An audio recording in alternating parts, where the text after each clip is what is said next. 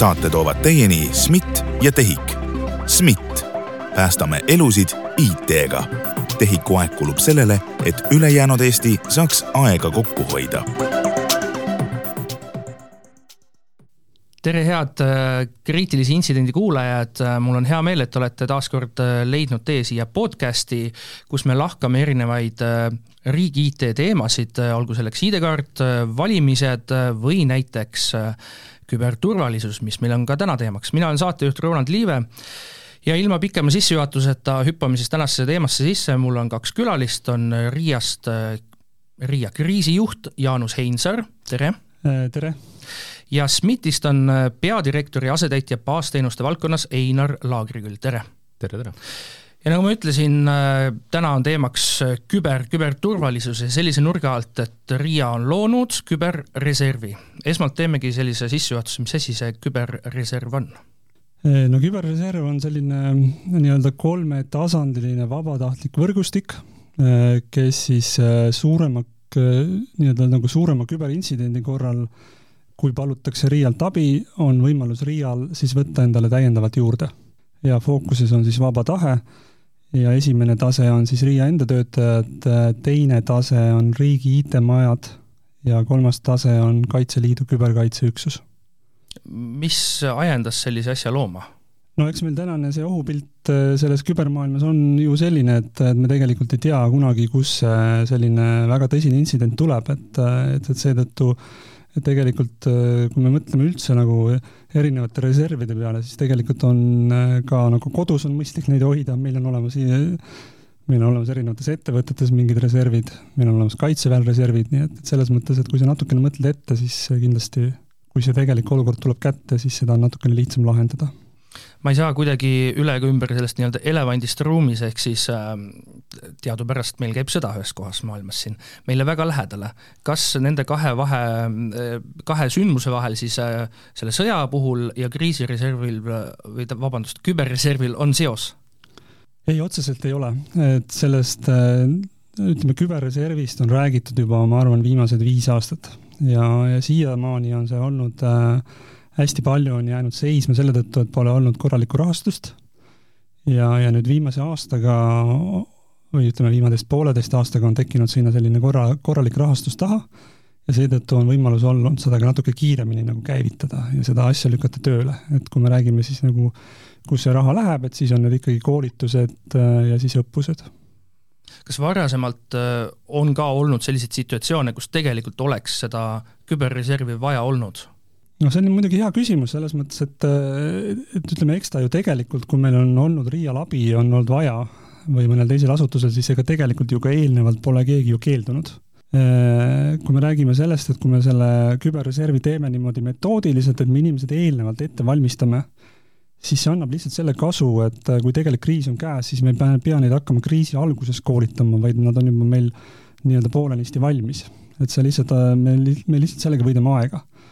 et eks siin on erinevad sündmused, on olnud ju kaks tuhat seitseteist aasta ID-kaardi kriis, äh, siis meil oli siin niisugune äh, ütleme, päris korralik intsident oli meil ju MKM-is siin eelmisel aastal. no MKM-i näite põhjal siis ka tegelikult ju abi anti, ehk et ja. Äh, oli täitsa konkreetne pöördumine ka SMIT-i poole, kus siis teatud eksperdid liikusid appi ja aitasid seda teemat lahendada. ilmselt olid teistest asutustest ka, et see ei olnud ainult SMIT see MKM-i kaasus vist äh, oli juba kaks aastat tagasi, kui minu mälu ei, ei äh, siis äh, peta mind, et aeg liigub väga kiirelt viimasel ajal ja see vist on tegelikult ka nagu näitab seda, et miks sellist äh, küberreservi vaja on ikkagi.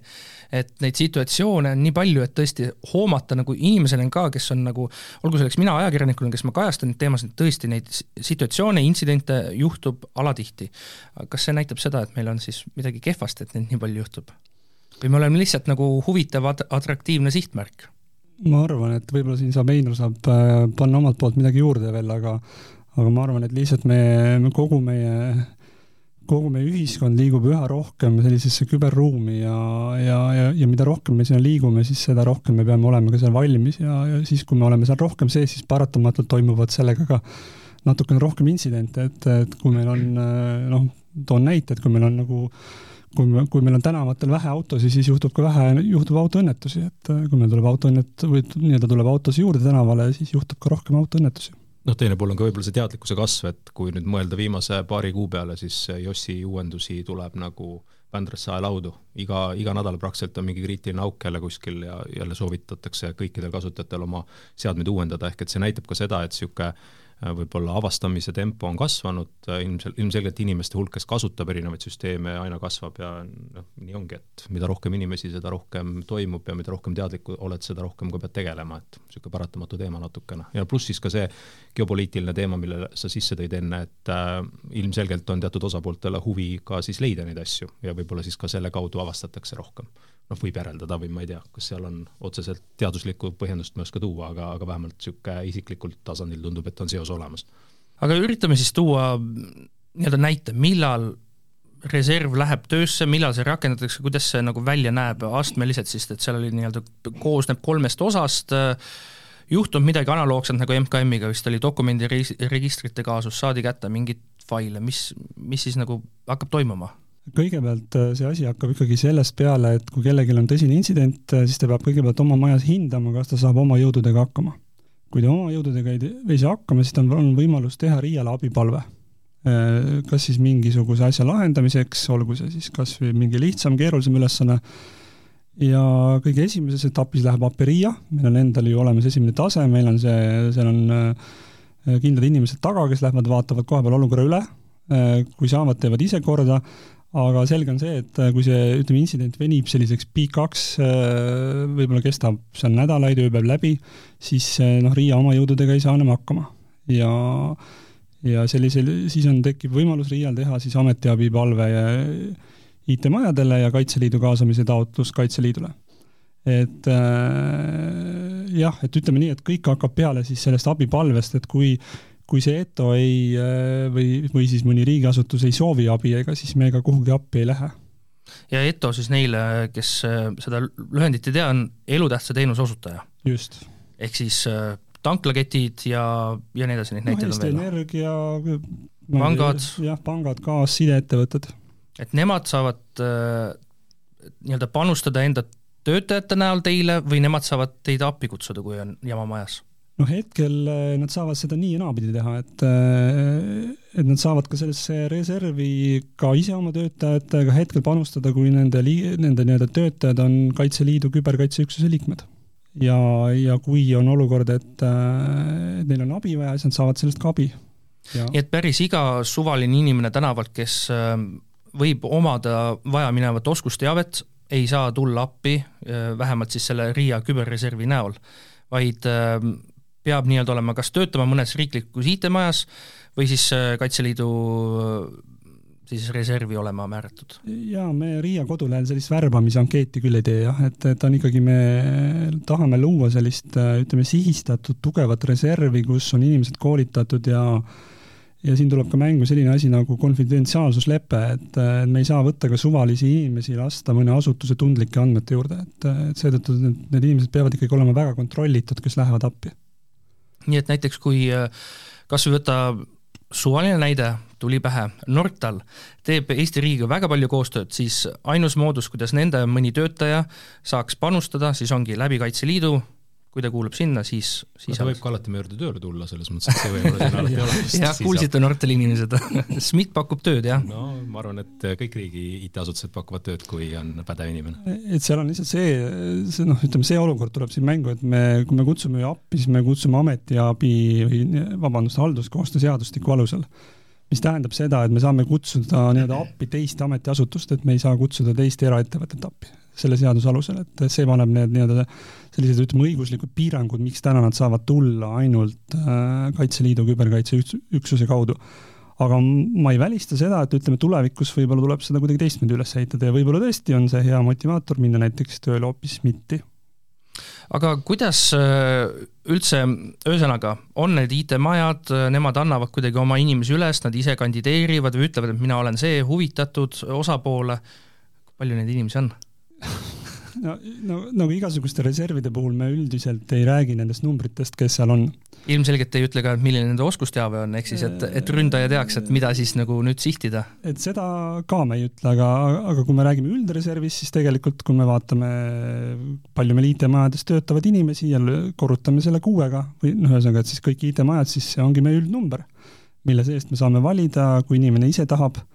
eh, kui sellel hetkel asutusel on võimalik teda anda ja, ja kui teda on ka nagu tegelikult vaja ma tookski nüüd natuke rohkem SMIT-i siia vestlusesse sisse, et kuidas teie poolt vaates see välja nägi, kui paljud inimesed üldse olid sellest huvitatud, et nad võiksid seal reservis olla, kas oli niimoodi, et kohe käed tõusid või oli, et mõni üksik ja siis teised on, no me vaatame ära, mis sellega saab ja siis võib-olla? no ütleme nii, et päris, päris ausalt ära rääkides, siis praegusel hetkel noh, käted merd ei olnud, et me hetkel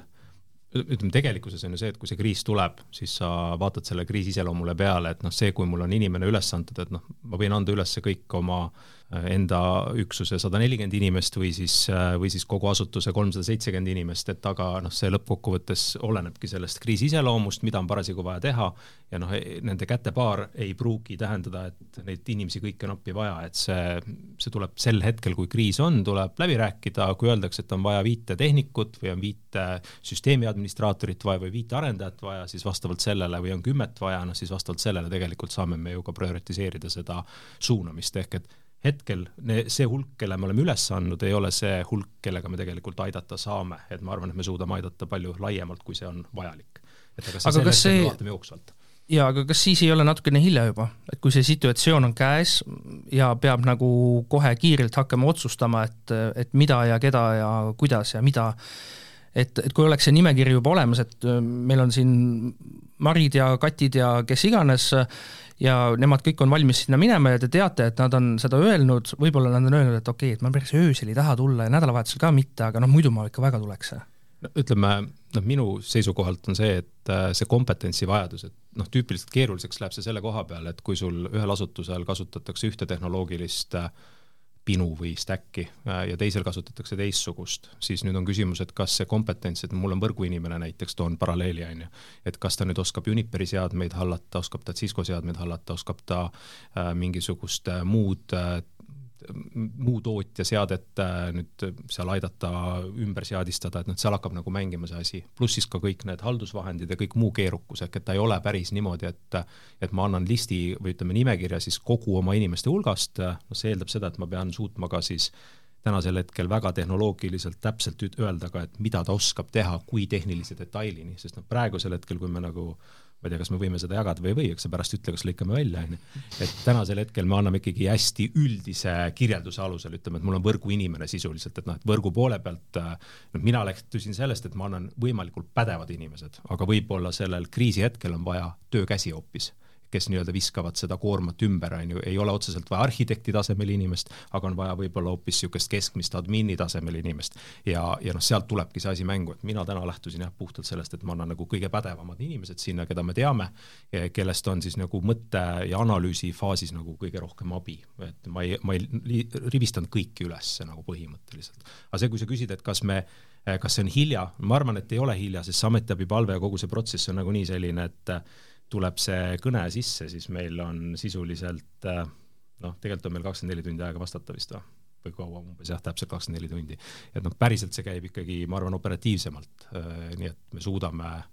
ka siis välja vilistada, sest meil oma teenused on samamoodi, et kui mul võib juhtuda iga kell need asjad, et ma pean olema nagunii enda maja pärast juba valmis reageerima äh, suvalisel hetkel äh, väga erineva siis äh, aktiivsusastmega või, või siis tulema välja kas siis kriisi lahendama või äh, ma ei tea, piiril kontrolli taastama või mida iganes, sest noh, meil see haldusala spetsiifikast tulenevalt ma ei saa mängida sellele, et noh, teeme nädala aja pärast, on ju, et äh, kui ikkagi poliitikud otsustavad ühtemoodi, siis me peame jooksma hakkama ja väga kiiresti. esmalt, äh, kui RIA ise ei saa hakkama, lähete küsite abi ja siis nii, nagu just sai kirjeldatud, abi tulebki siis, kui on nii-öelda mõne IT-maja juht või siis selle IT-maja noh, see inimene, kes vastutab siis selle küberreservi eest, tema on otsustanud, et kes ja kui palju meil üldse läheb. et äh, jah, prognoosimine on ka nagu tänamatu töö, aga kuidas te prognoosite, et kui, kui neid palveid hakkab teilt, äh, RIA hakkab välja saatma, et kuidas neile vastatakse? kas te eeldate, et nagu kõik alati vastavad ja tuleb väga palju neid sooviavaldusi või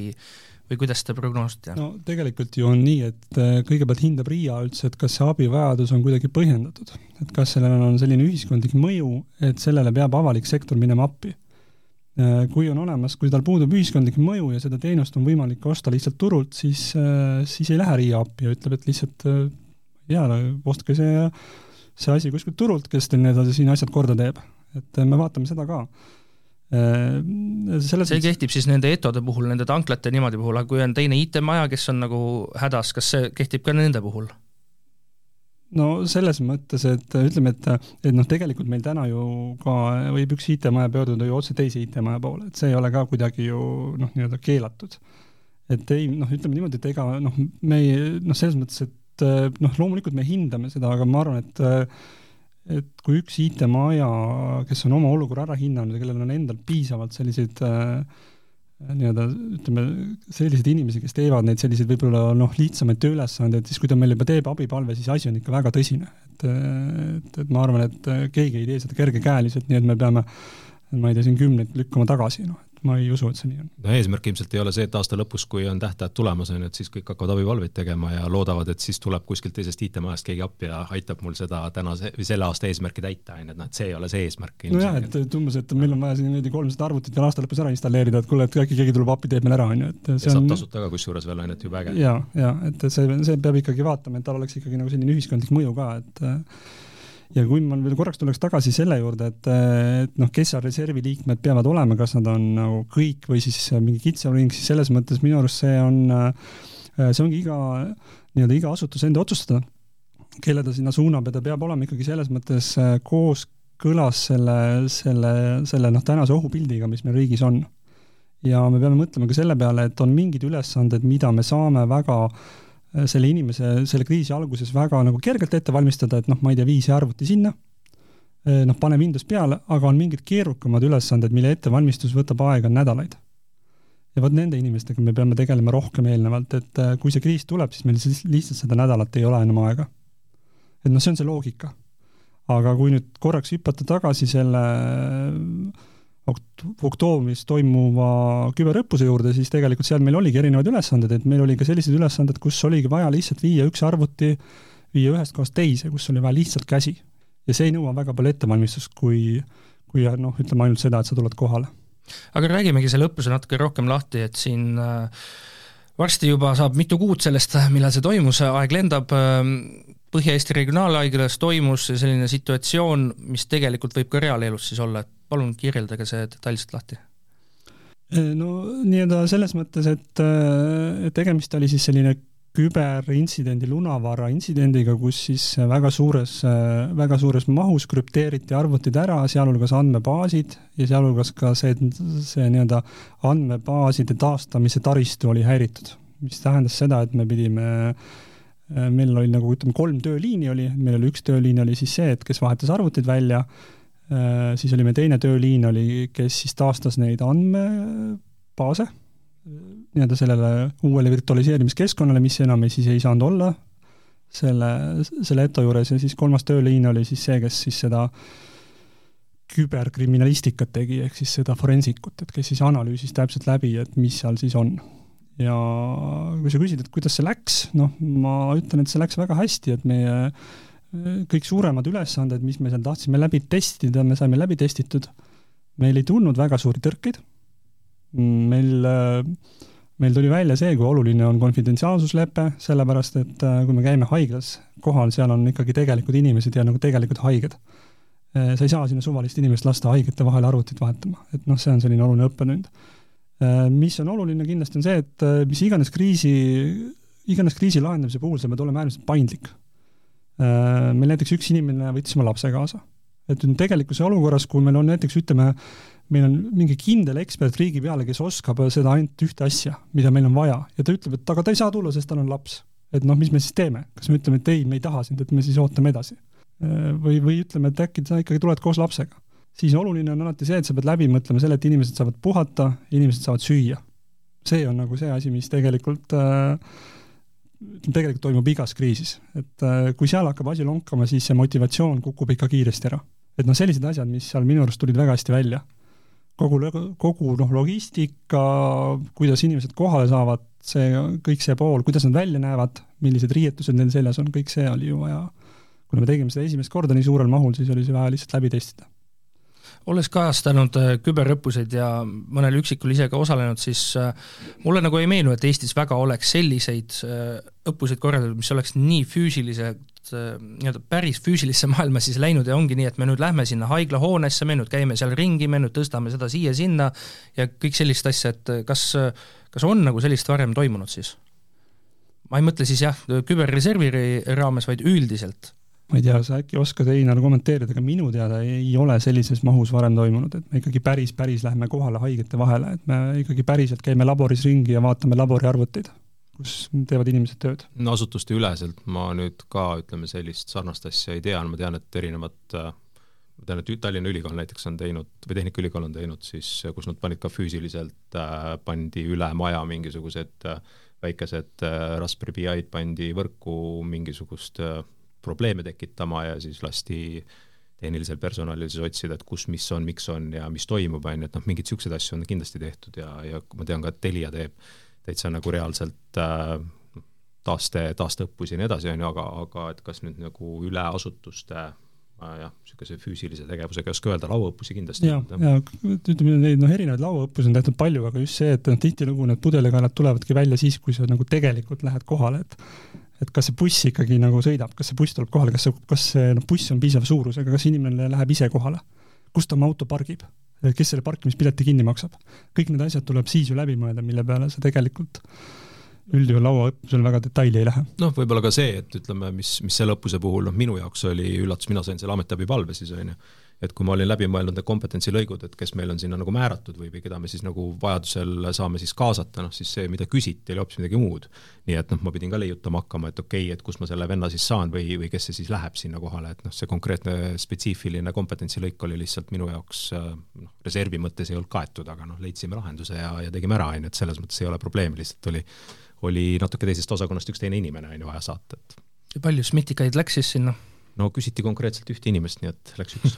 meil oli selles mõttes haiglaga oli nagu ees see piirang, et kuna seal tegelikult ju toimis ikkagi nagu nii plaaniline kui erakorraline ravi, et siis me ei saanud sinna minna nagu nii, et me lähme sinna sadade kaupa sisse, et meil oli kokku lepitud, et meil tuleb igast IT-majast üks inimene. me nagu tegelikult hoiatasime ka õppuse raames ette, et millal me selle abi, noh, ametiabipalve teeme, et meil ei olnud selles mõttes nagu selline stressitest ta nagu ei olnud, et äh, ja, ja noh, Kaitseliidust siis me leppisime kokku, et sealt tuli siis seitse inimest, et siis äh, et noh, see oli see noh, selline ütleme maht, millega siis haigla suutis ära opereerida kuidas te üldse haigla sellega nõusse saite või oli haigla see ise, kes pakkus välja, et kuulge, et meil, me tahaks mingit sellist õppust, sest tegelikult see, need lunavararünnakud, mis selle õppuse üks osa oli, et seda on ju mujal maailmas väga palju haiglat, haiglatega juhtunud, Eestis minu teada jah, seni veel vist see niimoodi tõsiselt ei ole, perearstikeskustes on see, need lunavararünnakud küll käinud sees, aga, aga vist mitte haiglates, ma tahaks loota ütleme nii, et meil partneri leidmine läks üle ootuste lihtsalt, et, et, et noh, ilmselt PERH oli sedavõrd suur asutus ja nägi sellel enda jaoks ikkagi väga suurt väärtust, et see just nii-öelda asi tehakse nende juures ja tegelikult selle õppuse raames nad ei olnud ju mitte PERH, nad olid Loode Liivimaa suurhaigla. Ja, ja, ja korraks vist nad paar päeva võtsid mõtlemisaega, aga siis tuli see jah ikkagi väga kiiresti minu teada neil on ajaloos ka mingisugused, küll mitte krüpto, krüptoasjad, aga neil on mingeid muid muresid olnud, mis äh, ilmselgelt motiveerivad võib-olla ka katsetama. ja, ja noh, haigla PERH on nii suur, et ta ju pakub ka, nagu ise pakub teenust näiteks sellele Järvamaa haiglale, et kogu see Järvamaa haigla IT ju on see, see, see noh, PERH seda teeb, on ju, et neil on ka, nad ei ole ju noh, ainult siin, siin noh, Põhja-Eestis ja millise õppuse tagasiside on olnud neilt osalejatelt, haiglalt endalt ja noh, kogu kõik see logistika pool ka, et kas kõik jäid väga rahule kümme palli kümnest või viis palli viiest või oli selliseid kohti ka, kus te nägite, et noh, et vot see läks ikka aia taha? no me natuke, ütleme nii, et lõpuni me ei saanud mängida läbi seda andmebaaside taastamist, sellepärast et seal tekkisid mingite õigustega mingid probleemid ja, ja, ja, ja nii-öelda kuna meie see, see meie selline partner CR14, kes meile selle virtualiseerimisruumi tegi, ei olnud nagu õppuse osaline, vaid oli lihtsalt meie lepinguline partner, siis nad ei suu-, noh, nii-öelda nad ei suutnud sellel hetkel nii kiiresti ja nii operatiivselt seda asja ära lahendada, nii et meil lihtsalt sai enne päev otsa. aga me, aga me noh, jõudsime poole peale ja et võib-olla see oli nagu ainuke selline noh, kitsas koht. Samas kõik muud ülesanded minu arust olid enam-vähem. ehk siis Loode Liivimaa haigla ei saanud oma teenuseid korda tegelikult? no me päeva lõpuks leppisime, et me saime ikkagi tööle, aga, aga, aga nii aga see ongi õppuse eesmärk. aga tegelikult, mida me saime aru, millest me saime aru selle õppuse tulemusena, et võib-olla peaks olema ka RIA-l selline mobiilne virtualiseerimiskeskkond kus siis on võimalus kas siis panna, ta noh, tegelikult ta võib-olla ei peagi tänapäeva internetikiiruste juures enam olema noh, nii-öelda nagu noh, väga mobiilne, et ta võib ka olla kuskil lihtsalt võrgus. Aga kus saavad siis erinevad ETO-d oma asju kas siis testida, kas siis õppuse raames testida, koolitusi seal läbi viia või siis tegelikus kriisis seda kasutada oma taastefailide käivitamisel. äkki siin see mõttekoht on ka see, et äh, noh, uued printsiibid, infrakoodina, kõigest muud asjad, et kui sa need võtad kasutusele, siis ka taastamised on oluliselt äh, teistsugused ja lihtsamad, et äh, et aga noh, see võib-olla on palju tahta. aga, aga jah, ma olen sellega nõus, et ütleme, õppus, selle jaoks me õppusi teemegi, et äh, igal õppusel on oma, oma noh, järelmid, mille alusel siis tuleb õppud äh, teha nii-öelda neid noh, korrektiive, erinevaid korrektiive ja millal järgmine õppus plaanis on või kuidas teil üldse nende õppustega on, et kas hakkab iga aasta olema üks või kaks või toimub ka mingeid koolitusi, lihtsalt seminare? no koolitusi toimub meil siin juba see aasta on vist toimunud juba mitu tükki äh, küberreservi liikmetele, et, et neid õppusi me planeerime teha iga aasta ikkagi vähemalt ühe, võib-olla ka kaks. Äh, noh, ilmselt see sõltubki sellest, kui suurelt me ette võtame, et võib-olla me järgmise teeme teeme sellises mõttes, et me teemegi nagu noh, aja peale, et me vaatamegi, teeme abiotime palve, vaatame, kes esimesena kohale jõuab. et, äh, et võib-olla teeme hoopis teistmoodi nagu, ehitame selle ülesse ja et paljuski sõltub see sellest nagu rahastusest, et eks see kogu see koolituste, õppuste maailm ikkagi on paratamatult natuke maksab, on ju, et, et me ei saa seda ju päris tasuta teha, et siis me nii-öelda nagu pidevalt näeme selle, nii-öelda nagu, nagu selle üle vaeva, et no me saaksime neid rahasid ja, ja kui meil need rahad tulevad, siis me kohe ka seda, selle asja paneme tööle jälle natuke kiiremini see rahastuse teema haakub meie üle-eelmise saatega, kui ma nüüd ei eksi, nii et me loodame, et siis poliitikud kuulavad ka seda saadet ja saavad aru, et selline, selline küberreserv, mis ma tegelikult saan aru, et on maailmas ainulaadne või on mujal kuskil maailmas ka sellist olemas, et see on asi, mida tasub rahastada? No mina ei julge seda nüüd öelda, et see päris ainulaadne on, aga, aga, aga ma arvan, et kindlasti üks ainulaadsetest küll, et teda on, neid ei ole väga palju sellisel kujul tehtud. no see on ilmselt nii, et äh, valmistu halvimaks, siis on pärast kergem, on ju, et see mm. jah, et kui sa oled kriisiks valmis, siis üldiselt kipuvad need sinust mööda minema. ja, ja, ja, ja, ja, ja noh, tihtilugu ongi see, et kui sa teed mingisuguse kriisi reguleerimise raha või kogu sellise raha paned nagu hakkama, siis sa paratamatult pead arvestama, et mingi raha sa sellest kirjutad nagu korstnasse, et sa ei saa seda tagasi, et sul seda kriisi ei tule.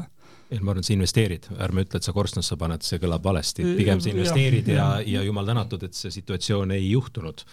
Aga su valmisolek vähemalt oli tagatud ka selleks keerulisemaks olukorraks. ja, ja ega sa tegelikult ju jah, selles mõttes ma olen sinuga väga nõus, et tegelikult see, kuidas sa nagu ütleme, investeerinud, sa, sa tegelikult ei saa kunagi teada, kui sa selle tõttu mingi kriisi ära hoiad. et, et võib-olla selle tõttu sul nagu ei tulnudki kriisi või see juba lahendati väga nagu madalal tasemel,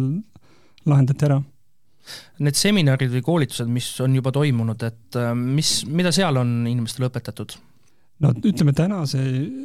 nii-öelda nagu noh, tänane ohupilt ütleb meile seda, et äh, me peaks esimeses laines äh, õpetama ründe,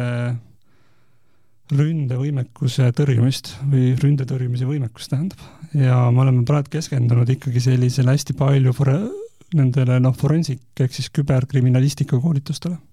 Et äh, ja ma ei tea, et isegi SMIT-ist vist on seal ju mõned inimesed olnud minu arust on, on, isegi see nädal on, minu teada. jah, need ütleme, meil on äh... nii, aga seletame nüüd siis lahti, sest et äh, ma ütlen ausalt jah, need sõnad midagi ütlevad mulle, aga mina ei saa midagi aru, ma, ma eeldan, et saatekuulaja ka väga hästi ei saa aru, et mida mis, te mõtlete kõige selle all. et mis asi on forensiks ja mis asi on küberkriminalistika, et noh, tegelikult on see ikkagi äh, ütleme, ma ei tea, võib-olla sina oskad, Einar, siin paremini öelda, mis see on, aga ta on ikkagi see, et kui sa lähed koha peale, siis sa vaatad, mis tõendid sul seal on, sa teed analüüsid, sa võtad sellest äh, nii-öelda mingid pildid, noh, täpselt samamoodi nagu käivad politsei, kriminalistid käivad koha peal. Et teed Sherlock Holmesi tööd, lihtsalt et... teed arvutisüsteemides ja üritad aru saada, mis toimub, kas keegi istub sul sees, on sul mingi paha, pahavara kallal, on sul keegi muu osapool äh, teeb mingisuguseid tegevusi, ehk et sa otsid siis seda äh, sisuliselt jah, neid jälgi siis äh, süsteemidest ja üritad tuvastada, mis tehti. et see on see forensiku. ja, ja sa otsid neid jälgi niimoodi, et sa ise oma jala, oma jalajälgedega seda sinna nagu peale ei astu. et äh, samamoodi nagu teeb, äh, teevad need noh, politsei omad, et sa ikkagi pead vaatama, et sa midagi ära ei riku. Ehk siis logidest oleks nähtav ainult äh, siis nende IP-d, kes ründasid, aga et sa endast ei jätaks sinna kuidagi IP-d maha? no võib-olla isegi mitte IP-s ei ole küsimus, vaid et kui sul keegi noh, pahalane on sees, siis sul on ju teine pool on ka see, et äh, et mitte teda ära ehmatada. ehk et sest tüüpiliselt, kui mingi, mingi väga si sihitud rünnak on, siis äh, kiputakse ka oma jälgi kustutama, ehk et sa pead nagu seda tegema hästi ettevaatlikult, hästi läbimõeldult, et, et sa saaksid selle info kätte, mis seal toimub,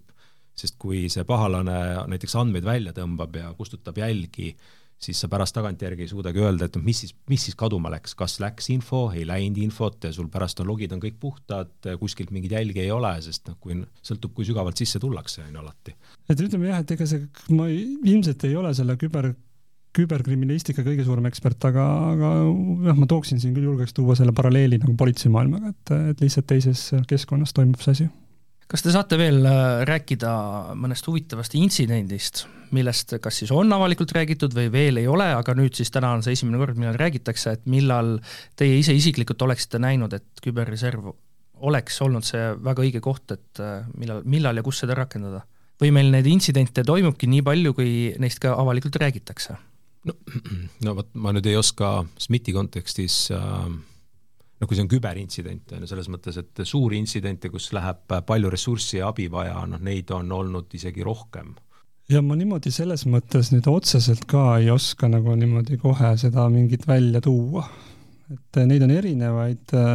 mõnel juhul on need nimed, kus need toimuvad, on, on ära anonüümiseeritud, et noh, me ei saagi nagu rääkida nimedest aga me saame vist saate kuulajatele öelda seda, et kui te töötate mõnes riiklikus IT-majas või siis olete Kaitseliidu reservi määratud ja teie taust on ilusti puhas ja te küberreservi pääsete ligi, siis te võite kuulda palju huvitavat juttu, millest nagu kuulda, raadiokülalised, saatekülalised ise ei taha väga rääkida. ehk siis see nagu sellist infot, mis toimub, saavad küberreservi liikmed no Riia raportis saab ka ilmselt nagu niisuguse haisu või no ütleme vähemalt aimu, mis toimub, et seal nagu anonüümselt öeldakse, et on olnud nii palju erinevate osapoolte vastu ründeid, et noh, ilmselt need etode vastu olevad asjad, mis seal läbi käivad, et äh, noh, et seal on neid asju sees, aga noh, ilmselgelt nimedega kõike ei saa rääkida. et noh, kui ma nagu võtan puhtalt enda aspektist, siis äh, mul ei ole, noh, noh, ma pean koputama kolm korda ja üle õla sülitama, on ju, paar korda veel lisaks, on ju, et noh, siiamaani mul ei ole niisugust situatsiooni viimase pea kolme aasta jooksul, mis ma SMIT-is olen olnud, olnud, et ma oleks vajanud, jah, me oleme konsulti võtnud küll, et selles mõttes, et kuidas mingeid asju paremaks teha, CERD-iga ühiselt oleme kasutanud, äh, noh näiteks oleme kasutanud neid äh, igasuguseid erinevaid kaitsemehhanisme, mida ka CERT teenusena pakub, et seda me oleme teinud ja, ja seda me ka praegust aktiivselt teeme, nii et äh, sõltuvalt siis sellest, mis, äh, kui mingisugused ülekoormusründed või äh, jah, need teenuste tõkestusründed käivad, et siis nende vastu ühte koma teist me oleme võtnud, aga see ei ole otseselt nagu sedapidi, et RIA tuleb oma ekspertidega või, või see küber küberkait-, see mm, reserv tuleb meile appi, et sedapidi me ei ole teinud siiamaani. Aga noh, seda ma ei saa välistada, et kunagi juhtub ka see, et võib-olla järgmine ID-kraadi, ID-kaardi kriisi sarnane olukord, siis äh, noh, ilmselgelt oleks võimalik kasutada, on ju, et võtad appi ja, ja vaatad koos, mitte ei pea ise pusima. Ja ei, ei ma selles mõttes võib-olla tõingi, tahtsin sellest juurde tuua, et tegelikult äh, see sõltubki ju sellest kriisi olemusest, et äh, et meil osad kriisid ongi ju sellised, mis noh, mis on nagu käivad ka läbi meedia, noh näiteks kui meil on Smart ID maas, siis seda noh, paratamatult see jõuab meediasse ja ja mõned asjad on sellised, mis, millel puudub ka huvi,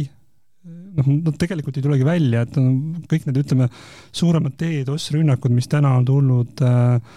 tulnud riigivõrgu vastu, siis tegelikult on need päris edukad minu arust maha võetud, et meil käivad DDoS rünnakud, aga mingit mõju nagu teenusel ei ole. et, et, et seetõttu pole ka neist nagu midagi rääkida kas see on ka põhjus, et äh, neid DDoS-e on siin väga palju toimunud, see on ka põhjus, miks äh, näiteks praegusel õppusel nagu te väga ei keskendunud DDoS-idele? No me üritasime teha oma õppuse jah, sellise, mis äh, võib-olla oleks, teeks kõige rohkem haiget. et, et, et sellist DDoS-i mina nagu isiklikult ka ei kujuta ette, mis võiks kesta nädalaid. pigem on see ikkagi minutitest kuni tundideni võib-olla sa oskad Einarele nagu ei no sa võid pikemalt ka seda teha, on ju, lihtsalt äh, tüüpiliselt äh, need kaitsemehhanismid nii operaatoritel kui, kui ka riigivõrgul äh, siis hakkavad sekkuma väga tugevalt, nii et see mõju ei ole pikaajaline, kui sa oled seal kaitsemehhanismi taga. et, et nii-öelda, kui me oma küberreservi jõuaks aktiveerida, on DDoS juba läbi. et, et pigem nagu sedapidi, et me nii-öelda vaatasime neid asju, mis kestavad ka kaua ja selline ulatuslik lunavara asi, kus sul on ikkagi võib-olla vaja vaja, ütleme, pool arvutiparki välja vahetada, siis see ikkagi võtab nagu sellisel, ütleme, sellisel suurel haiglal ikkagi nagu väga palju töökäsi ja väga palju aega kui palju muidu ähm, Riia näiteks või siis SMIT äh, sellesama lunavarre rünnakutega varasemalt on, on selliseid koolitusi, õppusi teinud, et kas see on ka taaskord jälle üks motivaator, et miks küberreservi kuuluda, et saad äh, läbi mängida selliseid situatsioone? Jah, millest suuremas avalikkus on juttu, et toimub kuskil välismaal sellised asjad, aga siin Eestis meil ei ole toimunud ja sellist äh, first-hand experience, kuidas see eesti keeles on, ei, ei pruugi olla no eksperdi tasemel kindlasti see annab sulle võimaluse võib-olla teha neid asju, mida sa igapäevaselt ei tee. et igapäevaselt äh, sellise mastaabiga asju, no ma ütlen, ma kolme aasta jooksul näinud ei ole, nii et mm. ähm, jah, ma tean, et toimuvad, et see sõltub hästi palju sellest, kuidas sul kogu see IT on üles ehitatud, kuidas sa need kaitsemehhanismid endal teinud oled, kui haavatav sul see kogu, kogu teenuse pool on. Ähm, jah, et äh, selles mõttes kindlasti see õppus annab selle võimaluse mängida neid asju. jaa, ja selles mõttes õppuse raames me tegime, meie, nii-öelda meie enda CERT tegi teatud arvutid, tegi nagu väga katki. nagu tegi nagu meelega katki ja andis nendele õppuse mängijatele need, need nagu kätte, et noh, vaadake, kas te saate seal nagu aru, mis toimunud on. et me tegime ka nagu selliseid asju, et, et ja kui seda, ütleme, nagu tegelikus elus ei ole, siis õppuse raames sa said ikkagi selle, sellise nagu haisu ninna natukene. ja kas need arvutid saadi töökorda? Ja seal olid erinevad grupid, kes sinna seda lahendasid ja, ja need arvutid saadi tööle. no iseküsimus, et kas sa noh, nagu sellisel olukorral, kui sa oled selle süü nagu ärauurimis või uurimismeto-, need asjad oled ära teinud, et kas sul on mõtet seda nagu üritada parandada või sa lased teda nagu installid nullist, et noh, see nagu on ilmselt erinevad lähenemised seal. ja, ja, ja noh, kindlasti ma üldse ei välista, et mõni ETO ikkagi otsustab endiselt, et ta maksab ka raha ja saab oma selle raha maksmisega oma arvutid lahti et see on ka üks täiesti, täiesti aktsepteeritav võimalus, mida nii-öelda ETO oma sellest ärimudelist äh, lähtuvalt võib otsustada. ma arvan, et äh, no see on jah, ma ei saa öelda, et see nagu mõistlik lähenemine on, sest ja. see ju soosib selle mudeli kasutamist, see on nagu autovargused, mis olid üheksakümnendatel üli, ülipopulaarsed, et äh, ostad tagasi muudkui ja, ja muudkui otsast varastatakse. Et noh, see on täpselt samamoodi, et see pigem, pigem ütleks, et äh, tuleb süsteemid nii ehitada, et sul on need varukoopiad, asjad olemas ja sul ei ole vaja seda maksta pigem mõtle need asjad enne läbi. jaa, ei, selles, selles mõttes muidugi küll, et kui me räägime nagu, et ütleme, kuidas oleks õige teha, siis ma olen sinuga sada protsenti nõus, pigem ma just mõtlesin, et noh, mõne ette pool lihtsalt võib-olla see on nagu, ütleme, kasumi mõttes on nagu see nii-öelda kiirem lahendus on see nagu summa ära maksta, et hakkab kasum jälle nagu jooksma. aga, aga jah, ütleme pikas perspektiivis see võib olla kahjulik, sest siis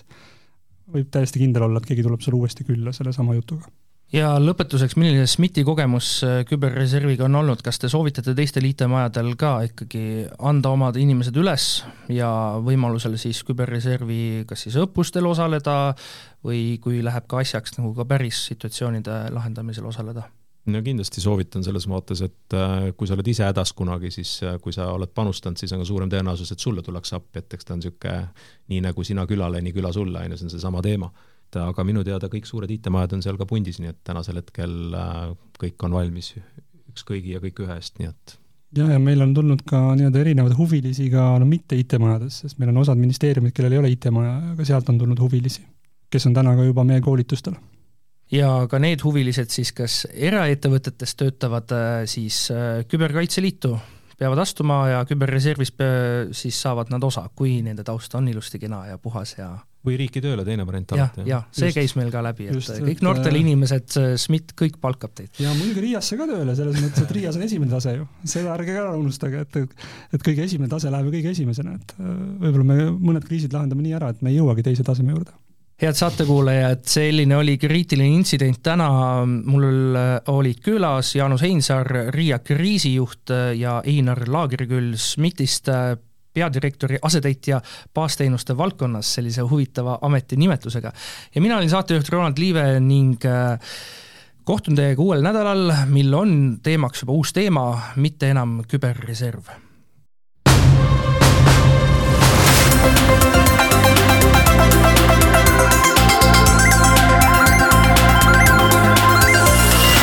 Saate toovad teieni SMIT ja TEHIK. SMIT, päästame elusid IT-ga. tehiku aeg kulub sellele, et ülejäänud Eesti saaks aega kokku hoida